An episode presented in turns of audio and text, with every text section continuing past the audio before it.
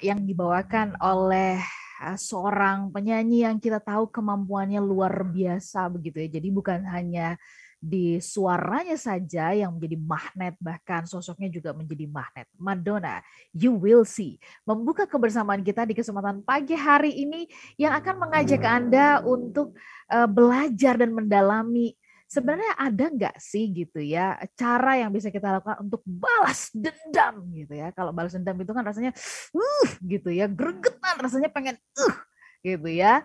Orang yang kita anggap musuh gitu ingin kita habisi ingin kita sudahi gitu tapi pagi hari ini uh, diantarkan oleh lagu tadi, kita mau diajak mendalami soal sweet revenge. Ini apa ya? Balas dendam yang manis begitu ya. kita akan belajar itu bersama-sama dengan motivator nasional di bidang leadership and happiness ya. Ada Pak Arfan Pradiansyah. Selamat pagi Pak Arfan. Selamat pagi Mbak Ola. Apa kabar hari ini? Hari ini kita sama banget warnanya ya, nuansanya ya membiru gitu ya, hati kita ya. Baik, Pak Arfan dari kemarin itu yang saya pikirin gitu, wah ya. balas dendam yang manis ya. Ini, apa sih ya gitu ya? Ya apa sih gitu. Kalau saya nonton film-film uh, yang bertemakan balas dendam itu kan selalu menyisakan rasa sakit ya, terus ya. kemudian ada menghasilkan musuh baru gitu ya. ya. Kalau di film berarti akan ada serial yang barunya lagi, yang part keduanya gitu. Lanjutannya gitu. Ya. Nah, Pak Arfan, eh, sebelum kita melaju ke topiknya, dari lagu ini yang memang sangat syahdu banget, tapi tajam gitu dibawakan oleh Madonna. Di bagian mana Pak Arfan ingin ya. memberikan uh, memberikan highlight? Silakan. Terima kasih banyak Mbak Ola ya. Lagu ini bagus sekali ya. Uh, dan kalau saya lihat di YouTube itu sudah ditonton lebih dari 13 juta orang loh gitu ya. Okay. Jadi lagunya sangat familiar sekali buat kita semua ya. Lagu ini bercerita mengenai seseorang wanita yang marah gitu. Ya, dan memutuskan hubungan dari pria yang menyakitinya. Dan dia ingin mengatakan bahwa uh, apa yang engkau lakukan kepadaku itu nggak ada apa-apanya. Dan aku bisa hidup tanpamu bahkan aku bisa lebih kuat daripada kamu gitu. Kira-kira seperti itu Mbak Ola. Mhm. Jadi dia mengatakan begini, you think that I can't live without your love. Mhm. Kamu pikir aku tidak bisa hidup tanpa cintamu. You see, kamu akan lihat. Ya. Mhm. You think I can go on another day. Kamu pikir aku tidak bisa melanjutkan hidupku. Ya. You think I have nothing. Kamu pikir aku tidak punya apa-apa. Ini kan menunjukkan kemarahan ya Mbak Ola ya. Yeah. I think you have nothing without you by my side. Kamu pikir aku tidak punya apa-apa tanpa engkau di sisiku. You see, kamu akan lihat. Nah, gitu. Hmm. Kamu akan tahu somehow, some way, entah bagaimana, entah seperti apa. Ya. You think I can never love again. Kamu pikir aku nggak bisa tertawa lagi. You see, kamu akan lihat nanti. Ya, you think that you destroy my faith in love. Kamu pikir uh, kamu telah menghancurkan keyakinanku akan cinta. Ya. Mhm. You see, nanti kamu akan lihat. You think after all you've done, I'll never find my way back home. Kamu mhm. pikir setelah semua yang kamu lakukan, aku tidak akan pernah menemukan jalan pulang. Mhm. You see, kamu akan lihat nanti. Somehow, someday. Ya, satu ketika nanti entah bagaimana caranya. All by myself, I don't need anyone at all. Seorang diri, aku tak butuh orang lain. I know I'll survive. Aku tahu aku akan bertahan. I know I'll stay alive. Aku tahu aku akan terus hidup all on my own dengan diriku sendiri. I don't need I don't need anyone this time. It will be mine. Aku tidak butuh orang lain kali ini. Hidup ini akan jadi milikku. No one can take it from me. Tak akan ada yang bisa merebutnya dariku. You'll see. Kamu akan lihat nanti. You'll see. Kamu akan lihat. Wih. Itu malah. kayaknya waktu mengatakan you will see itu kayaknya penuh penekanan gitu ya. Iya. Begitu sangat dalam emosinya ya. Iya, sangat dalam banget. Oke. Okay. Iya. Lihat aja ntar gitu kan. Lihat aja ya. nanti gitu lah kira-kira ya. Baik, Pak Arfan. Oke, okay, smart listener Uh, kita coba keluar dari segala rutinitas uh, rutinitas kita, meeting-meeting kita sepanjang uh, seminggu ini gitu ya. Mungkin ada bagian-bagian yang rasanya itu Anda uh, udah sampai ke ubun-ubun, jengkel dalam hati begitu. Tapi pagi hari ini kami mau mengajak Anda untuk balas dendam dengan manis. Tapi apa itu yang balas dendam dengan manis ya? Sebelum kita jeda, saya ingin uh, Pak Arfan mungkin uh, mengajak kita untuk memahami ya uh, tema ini supaya tidak disalah mengerti nih Pak Arfan gitu kan. Kok Pak ya. Arfan pakar happiness, ngajarin ahlak, malah ngajakin balas dendam sih gitu. Nah, ini nih perlu dilurusin dulu, dilurusin dulu supaya cara pandangnya kita sama nih Pak Arfan. Monggo Pak Arfan. Terima kasih banyak Mbak Ola. Pertanyaannya bagus sekali ya. Jadi begini, dalam hidup itu kan kita sering menemukan eh, orang yang meragukan kemampuan kita. Ya, ya kan? Atau mungkin meremehkan kita atau ya. mungkin merendahkan kita. Ya. Menghina kita gitu kan. Nah, pertanyaannya kalau saya ditanya, terus apa yang harus kita lakukan menghadapi orang yang seperti itu? Maka saya akan mengatakan begini, tolong didengarkan ya. Uh, kalau Anda menghadapi orang seperti itu, maka yang paling baik bagi Anda adalah memaafkan. Uh-huh. Mengasihi, kasihi orang itu. Itu orang yang kekurangan kasih, itu orang yang kekurangan cinta. Cintai orang itu. Maafkan, kasihi, cintai. Uh-huh. Pertanyaannya, bisa nggak? Mungkin oh, apaan Parvan? Iya. gitu kan ya. Iya nanti wah ini abstrak nih terlalu susah nih. Ya. Sebenarnya nggak susah sih gitu. Saya sudah saya bi sudah bisa sampai ke level itu sekarang tapi sekarang saya sudah bisa sampai ke level itu. Tapi dulu nggak gitu. okay. Kan setiap orang itu kan berproses ya. Berproses. Ada yang namanya maturity, ya, maturity level, tingkat kedewasaan. Ya. Jadi kadang-kadang orang merasa oh itu terlalu sulit bagi saya gitu. Masa orang udah menyakiti kita, sudah menghina kita, kemudian kita harus memaafkan, mengasihi, hmm. mencintai pula. Ini hmm. apa ini gitu kan? Iya. Nah, karena itu ya, kalau level Anda masih berat untuk sampai ke situ, iya. gitu ya. Nah, saya kasih sebuah solusi yang lain. Okay. Yang satu lagi, ya, itulah yang namanya sweet, sweet revenge. revenge. Anda okay. boleh balas dendam. Tapi, nah, nah tapi tapinya ini, ini? Nah. nah, kita bahas nanti di part yang berikutnya di sesi berikutnya Smart Listener ya. Yap, kami jeda sesaat, silakan Anda boleh uh, jangkau kami melalui WhatsApp di 0812111299. Ada nggak sih yang uh, belakangan ini atau di dalam uh, perjalanan hidup Anda orang-orang atau pihak-pihak atau siapalah begitu yang uh, meremehkan Anda? Kalau ada itu bagaimana kemudian Anda meresponnya. Silahkan cerita sedikit ya. Kami jeda sesaat, nanti kita sambung lagi perbincangannya. Semangat pagi untuk Anda semuanya. Saya ingin menyapa Anda eh, di semua tempat, di berbagai tempat di mana Anda bisa menjangkau kami, baik yang ada di Indonesia maupun di luar negeri. ya. Terutama Anda yang ada di Makassar dan juga Manado. Selamat pagi buat Anda yang ada di Banjarmasin dan juga Balikpapan. Kemudian saya ingin menyapa Anda yang ada di Palembang, Pekanbaru, Medan. Selamat pagi untuk Anda yang ada di Yogyakarta. Surabaya, Jakarta, Depok, Tangerang, Bekasi, dan juga kota-kota di sekitarnya.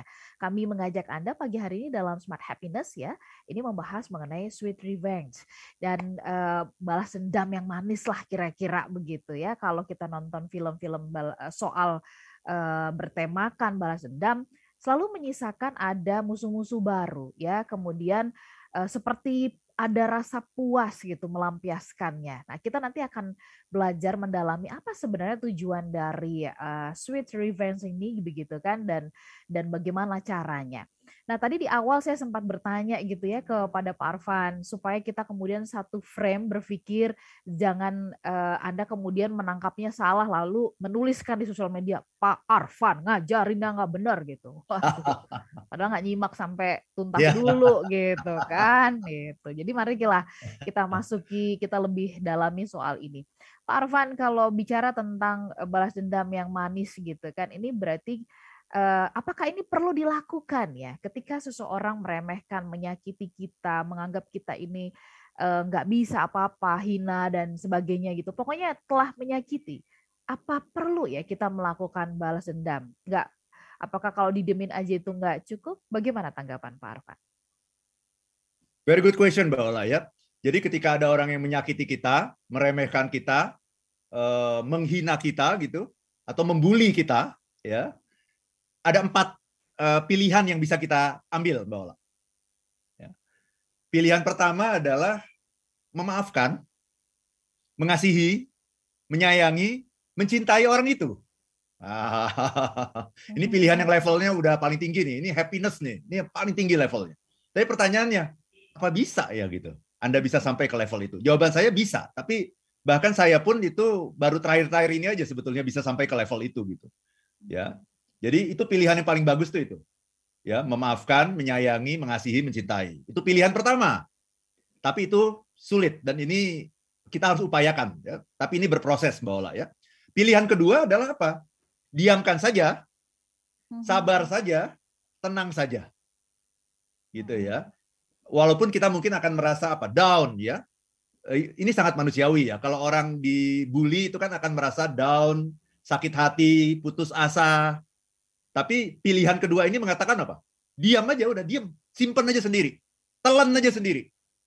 Hmm, gitu. Hmm. Nah, itu kan pada akhirnya akan menyiksa diri kita ya akan membuat kita merana gitu ya nggak bisa move on ya selalu ingat sama kata-kata orang itu dan ini sangat tidak sehat sesungguhnya mbak Ola pilihan ketiga balas dendam lawan saja balas saja dan ketika kita membalas itu ini sudah uh, sesuai dengan sense of justice sebenarnya gitu sense of justice itu kan mengatakan apa ya kalau uh, gigi dibalas gigi Ya, ya. Uh, tangan dibalas tangan, uh, mata dibalas mata.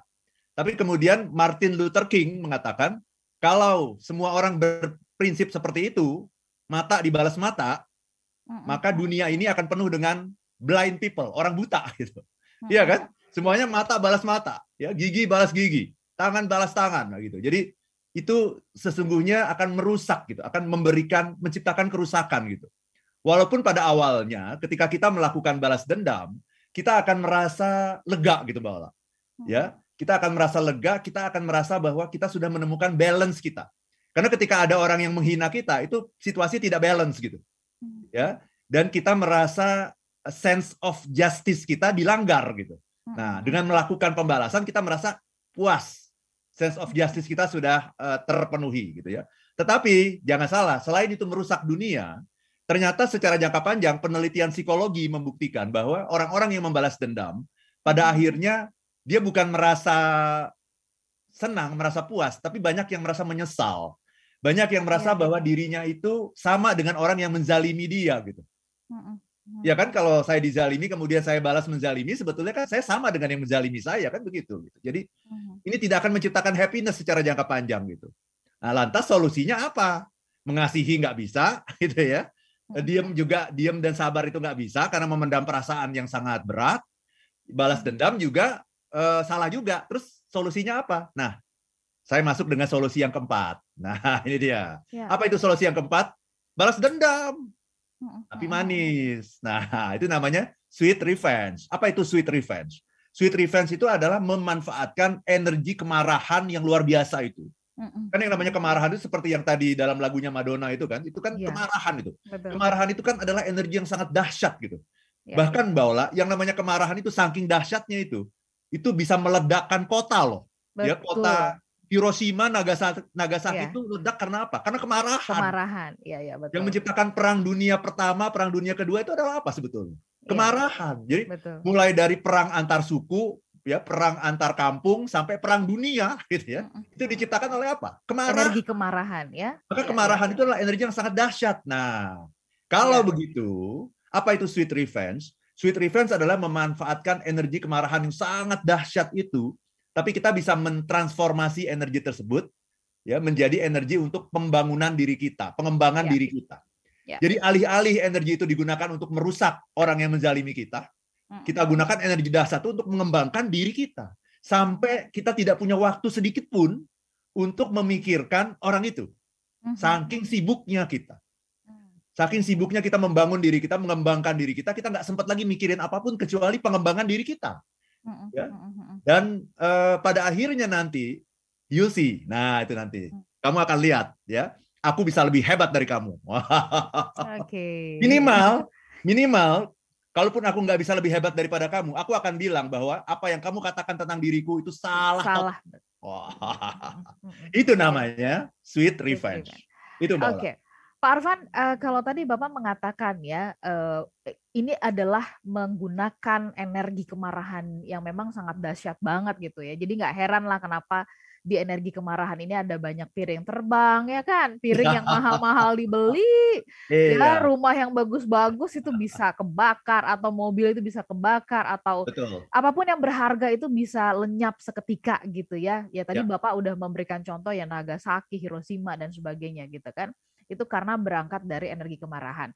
Nah, begitu sampai di transformasi itu kan itu butuh kesadaran, butuh aware. Gimana orang lagi marah, lagi kecewa, lagi disakiti, terus bisa jadi sadar begitu Pak Arfan. Nah, ini bagaimana caranya gitu? Silakan Pak Arfan. ya tentu saja em, kita harus punya yang namanya kecerdasan emosi ya, emotional intelligence. Apa itu kecerdasan emosi? Kecerdasan emosi adalah kemampuan kita untuk mengenali emosi kita itu apa pada saat itu sedang terjadi gitu. Ya, dan yang ingin saya katakan, yang selalu saya katakan dalam talk show eh, Smart Happiness ini adalah eh, semua emosi itu baik Hmm, karena emosi itu menunjukkan Anda sehat. Anda adalah manusia seutuhnya yang bisa betul. senang, bisa bahagia, tapi juga bisa kecewa, bisa marah. Itulah Iya. manusia yang sempurna, gitu Iya. ya. Jadi salah Nah, ya Pak kalau ada yang mengatakan nggak boleh marah. nggak boleh marah. sebagai Bahkan nanti eh, beberapa waktu lagi saya akan bikin program ini, Mbak. Program saya judulnya Leader Boleh Marah. Nah, Wah, saya akan ikutan Pak. ya. leader boleh marah. Iya, iya. Iya, iya, iya. Karena kemarahan itu sehat gitu. Kalau kita bisa menempatkan pada proporsi yang benar gitu ya. Mm, Jadi em, kita sadar, oh saya marah nih, saya marah. Ya, tapi eh, tolong kita berada dalam level awareness dulu, kesadaran dulu, jangan langsung action. Mm, Yang sering kali salah adalah langsung action. Begitu sadar, saya marah, langsung action. Yang lebih salah lagi adalah nggak sadar tapi langsung action. Kan banyak yang seperti itu kan. Sehingga mm. ketika ada orang yang bilang, kok kok gitu aja marah sih? Siapa yang marah? Oh, gitu. Langsung siapa yang marah? Saya nggak marah. Siapa yang marah? Oh, gitu. Itu namanya orang yang nggak sadar tapi langsung action gitu ya. Jadi yang harus kita lakukan sesungguhnya nomor satu adalah awareness dulu, sadar. Kita harus punya kecerdasan emosi. Oh, saya sedang marah. Oh, marah itu berbahaya. Kenapa marah berbahaya? Karena ketika kita marah, energi kita berlipat-lipat, Mbak. Tapi kesadaran kita menurun ketika kita marah. Nah, gitu ya. Jadi sadar dulu itu, ya, sadar dulu. Yang kedua, kalau sudah sadar berarti oh, ini kemarahan ini bisa ini kemarahan ini energi yang netral. mhm, Kemarahan bukan ener- energi negatif, Mbak. mm, mm, Kemarahan adalah energi yang netral. Nah, mau kita bikin positif atau negatif, terserah kita. Gitu. Itu dulu kita harus sadar itu. Oh, saya punya kemarahan ya. Ini ini luar biasa nih. Saya merasa terzalimi nih. Oke. Oke, nggak apa-apa. Nah, Anda mau mem- memanfaatkan untuk apa? Negatif atau positif? You have a choice. Anda punya pilihan. Nah, tapi kalau kita timbang-timbang, ngapain sih kita repot sama orang gitu? Sudah Hmm. orang itu menzalimi kita, kok kita masih mikirin dia? mm. Orang yang paling bodoh di dunia adalah apa? Hmm. Orang yang merasa terzalimi, tapi selalu memikirkan orang yang menzalimi. Iya, Ya nggak? iya betul. Paling bodoh sedunia nggak? Iya. Iya, udah jelas-jelas dia dizalimi. Terus Eh, orang yang mikirin? itu tiap hari dipikirin, tiap malam sebelum tidur dimimpikan gitu, dibayangkan gitu. Iya kan? Mestinya mestinya kita membayangkan, memikirkan orang-orang yang mencintai kita, benar nggak Bola? Oke, Orang yang Pak Arfan. mencintai kita pikirin deh, tapi orang yang membenci kita jangan dong. ya Nah, jangan gitu ya. Itu Ah, ngapain betul. malah justru memberikan energi yang negatif gitu ya. betul. Oke, Smart listener sampai di situ dulu kita kunci Yes. di part yang kedua ya kita sambung ya. Eh, sampai di, kita diingatkan bahwa kita ini jadinya bodoh kalau kita justru memikirkan orang yang menzolimi kita. Pikirkan orang yang mencintai kita, yang mengasihi Yes. kita, yang mendoakan kita, yang selalu nunggu-nunggu kehadiran kita begitu ya. Iya, Oke. iya dong. Smart listener, kita sambung nanti perbincangannya di sesi berikut. Eh, Beberapa informasi dari kami akan kami hadirkan dan juga eh, catatan dari Anda yang sudah masuk nanti kita akan bacakan. Kami jeda sesaat.